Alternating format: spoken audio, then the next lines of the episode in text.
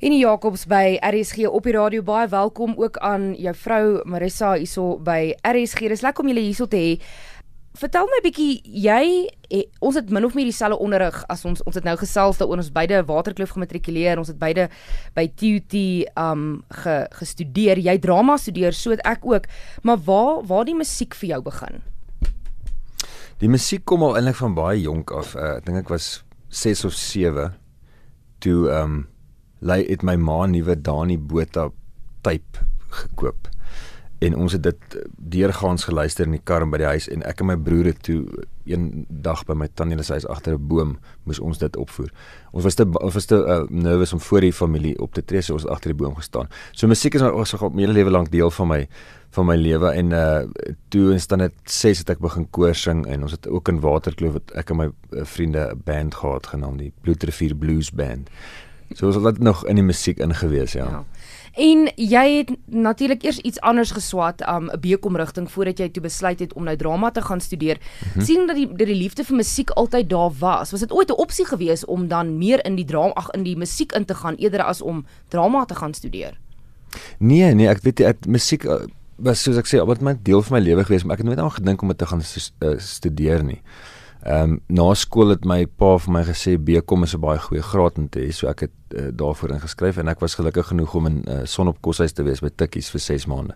En ons het toe ehm um, 'n toneelstuk opgevoer vir die inkonsert waarna ek trio vrou gespeel het. Toe toe ek besef ek hou nogal hiervan. Dis lekker as mense opstaan vir jou hande klap en uh, maar ek het in elk geval in in 2000 al het ek ook in in pubs begin sing en by feeste en funksies en goed. So die musiek het nooit opgehou nie, maar ek het nooit regtig aan gedink om dit te gaan studeer nie. Ek dink nie ek het vir myself gedink ek was slim genoeg om musiek te gaan studeer. Daai ouens is altyd vir my baie slim. Hey, en wanneer kom by instrumente speel, jy speel gitaar. Ja, ek speel gitaar, ek speel mondfluit en ek speel bietjie per percussion. Nou het jy dit oor die jare net vir jouself geleer of het jy onderrig onder ontvang om om die instrumente te bespeel? Ek het geleer by my vriende. Hulle het my in op skool, ek dink ek het staan net 7 graad 9 het ek begin gitaar speel, maar my pel het my geleer en hulle het geleer deur Metallica Black video's te kyk en letterlik net 'n kopie wat wat Hetfield hulle doen mm. van die gitaar af en dit dan vir my gelees. So ek het nie 'n klou wat ek druk op die gitaar noodwendig daai tyd nie, mm. maar dit het mooi geklink want my pel het gesê dit is wat jy moet druk daarin so maar ek nooit formele opleiding gehad in in musiek Dis wonderlik jy nou praat van van die video's wat jy gekyk het maar dis nie mm. daar voor YouTube ja, dis nie daar voor ja. um die internet mm. en um of die internet was al daar gewees maar dit was nie kommersieel ja dit was nie iets wat ons nou almal weet jou selfoon optel as jy nou vir my iets vra gaan ek hier nie wag net gou dat ek dit gou Google wat exactly, ook al ja. ek het myself leer hikel oor YouTube. Jy weet as jy nou dink, ek meen dis 'n paar jaar ja. terug. Dit is ongelooflik dat jy toe al geweet het, eers maar dit is 'n manier om om jouself te leer. Jy is ook natuurlik al vir die laaste 14 jaar by Sewende Laan? 12 jaar. 12 jaar, skies, ja. 12 jaar. Wat 2 jaar nou. Uh waar kry jy die tyd vir die musiek? Want ek meen jy's jy's 'n permanente karakter voltyds daarso. Hmm. Um en met jou musiek en jou albums, jy het 'n nuwe album wat laas jaar vrygestel is. Waar kry jy die tyd daarvoor? Ons vat dit letterlik week vir week. Ook omdat jou skedules verskil by sewe land. Ek sien elke dag byvoorbeeld daar nie. Ehm um, as jy nie in 'n storielyn is jy dan as jy nie by die werk nie, maar die musiekgoed is maar meestal oor naweke sal jy nou as ons nou 'n gig is dan doen jy maar oor naweke. Sal jy sê jou hoof fokus is eerder die die die acting by, by die TV of en die musiek is maar net 'n 'n ding hier so aan die kant of is altyd maar weeg hulle maar dieselfde in jou lewe? Ek is bitterlik lief vir al twee genres, maar die uh, omdat ek uh, in Sewenland se permanente cast is, is dit maar jou jou day to day van maandag tot vrydag, so dit is baie meer tyd gaan daarin. Ehm um, en, en en dan die musiek uh, soos die gigs inkom, ek ben dit is my wonderlik om nog te kan optree in 'n baie vol mark. Uh die Afrikaanse musiekbedryf is ontsettend vol. So ek is ek voel baie geëerd om albei te kan doen ek het al 'n paar songs vir Seeland geskryf onder andere by my my, my nuutste album uh, getiteld Lifelam. Daai liedjie is kom eintlik uit Sewenland uit waar ek vir Kirsten David se karakter destyds ek moes so 'n 20 sekonde liedjie vir hom vir sy karakter skryf wat hy nou vir die vir die nooi moes sing. En toe word dit nou maar een van die uh, albums uh, een van die liedjies op die album en ja, hy's ons het 'n musiekvideo van hom ook gemaak en mm. hy doen goed. Vertel my van die van die skryf van jou musiek. Waaroor skryf jy? En uh, jy sê musiek kom natuurlik al vandat jy jy weet jy jy het nou vertel van van vroeg van vroeg af, maar die skryf van jou van jou liedjies, is dit is dit iets wat jy geoefen het oor die jare wat as 'n tiener jy maar gesit en skryf het? Waar kom dit vandaan en het jy so slypskole bygewoon? Nee, nee, ek het nooit slypskole bygewoon nie. Ons was kyk op skool as jy mos vreeslik ehm um, deur jou tienerjare en so as jy vreeslik diep so dan wil jy nou musiek skryf. Ehm um, van daai liedjies, ek het nydag weer aan gedink. Jo. Kyk, skryf is 'n ding wat jy oor en oor moet doen. Hulle sê dat the, the the secret about writing is rewriting. So ek het met met die laaste album ook, ek dink ek het seker omtrent tussen 30 en 40 liedjies gehad wat ek geskryf het. Waarvan mense dan net 12 of 14 kies. Ehm um, jy kan partykeer kyk en iets wat jy geskryf het en gaan dis ook maar goed jy dit in jou binnekamer vir jouself gespeel en geskryf want hierdie moet jy nie vir mense net weer gaan speel nie. So mense hoop dan maar die 12 wat jy kies is ehm um, is, is van so standaard dat dat mense daarvan gaan hou en kan meer assosieer en ek het ook op die album probeer om weet bietjie diverse liedjies dat uh, iets is vir almal. Ek het byvoorbeeld ook 'n cover gedoen saam met Hildegard Silkewitz wat Bonita speel mm. uh, met Dolly Parton se se song Jolene mm. wat wat nogal nice uitgekom het vir my. Ehm um, so ja, dis maar dit dit dis letterlik maar iets wat deur die jare kom en jy hoe meer jy skryf hoe wat the more you practice the luckier you get. Ehm um, maar jy moet maar altyd die rewriting oorweeg. Waar skryf jy? Jy sê jy jy het iets op die album vir al die laaste ene ook um iets vir almal gegee. So is dit mm. is dit liefdesliedjies, gaan dit oor die liefde? Ek dink liefde is maar 'n globale onderwerp waar meeste musikante altyd skryf. En ek vind inspirasie in in 'n klomp goed. Ek het byvoorbeeld op een van my vorige albums was daar 'n liedjie genaamd um Peanut Butter en Stroop wat ek 'n fiktiewe verhaal vertel van twee mense wat op skool saam was en hulle mekaar uitgekom het. So is alles uitgedinkte goed want ek onthou op skool hierdie spesifieke ou en hy het gebly hier en so dan baie keer gaan hy roep jy maar ou memories ook. En ehm um, ek weet nie ek is nie eintlik iemand wat politieke liedjies en so maak. Dit dit raak te gekompliseerd. so ja, dis maar eh, algemene goed jou jou liefde en ehm um, ja byvoorbeeld op albei albums is daar 'n liedjie vir vir elke dogtertjie. Noah se is op die eerste album en dan ek nou vir Talie ook een geskryf op op Lifelam. En my vrou inspireer my baie om uh, musiek te skryf. Ja, ek dink as jy oor die liefde kan skryf, daar's daar's soveel eindelose uh, mm. plekke waartoe jy kan gaan. Verskillende tipes liefde. Ja, en verskillende ritmes wat jy kan gebruik in daai tipe.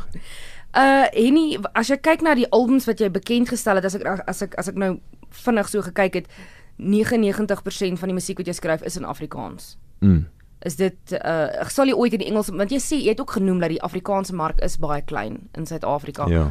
Um sal jy in in Engels in in gaan alhoewel jy jy het hmm. baie sterk ek gaan nou die Engelse woord gebruik presence in die Afrikaanse bedryf. Ek praat nou van op die TV en as 'n musikant. Ja. Nee, ek sal definitief in Engels ook wil werk. Ek dink um mense moet nooit ophou uh explore in in verskillende rigtings in nie. En ek het nog nie reg die Engelse songs wat ek al opgeneem het op die albums het, het gaan goed af, jy weet, dis dis goed. Dis maar bekende liedjies. Ek sal gewoonlik 'n cover gedoen. Ek sal ek het 'n gambler gedoen op op een van my albums.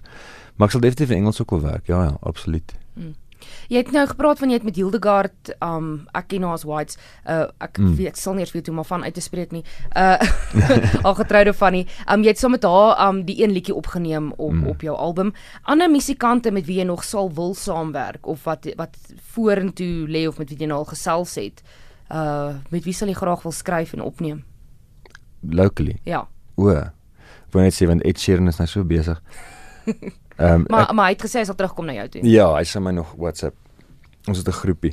Nee, ek weet nie, ehm um, dit's moeilik om te sê. Ek het nog nie reg met musikante so ek sien die mense maar by feeste hier en daar, dan weet dan sien hulle by by 'n uh, VIP kuierplek of wat ook al en ek het nog nie gaan sit en gedink jy's ek wil gesom met die of die werk nie. Ehm um, mense van wie ek baie hou is is Franso van Coke, hy was fantasties. Uh, Jack Parrot, dit vir mense. Ek, hulle maak vir my musiek wat wat ehm um, deurgaan hulle self ehm um, jy weet herbewys as musikante.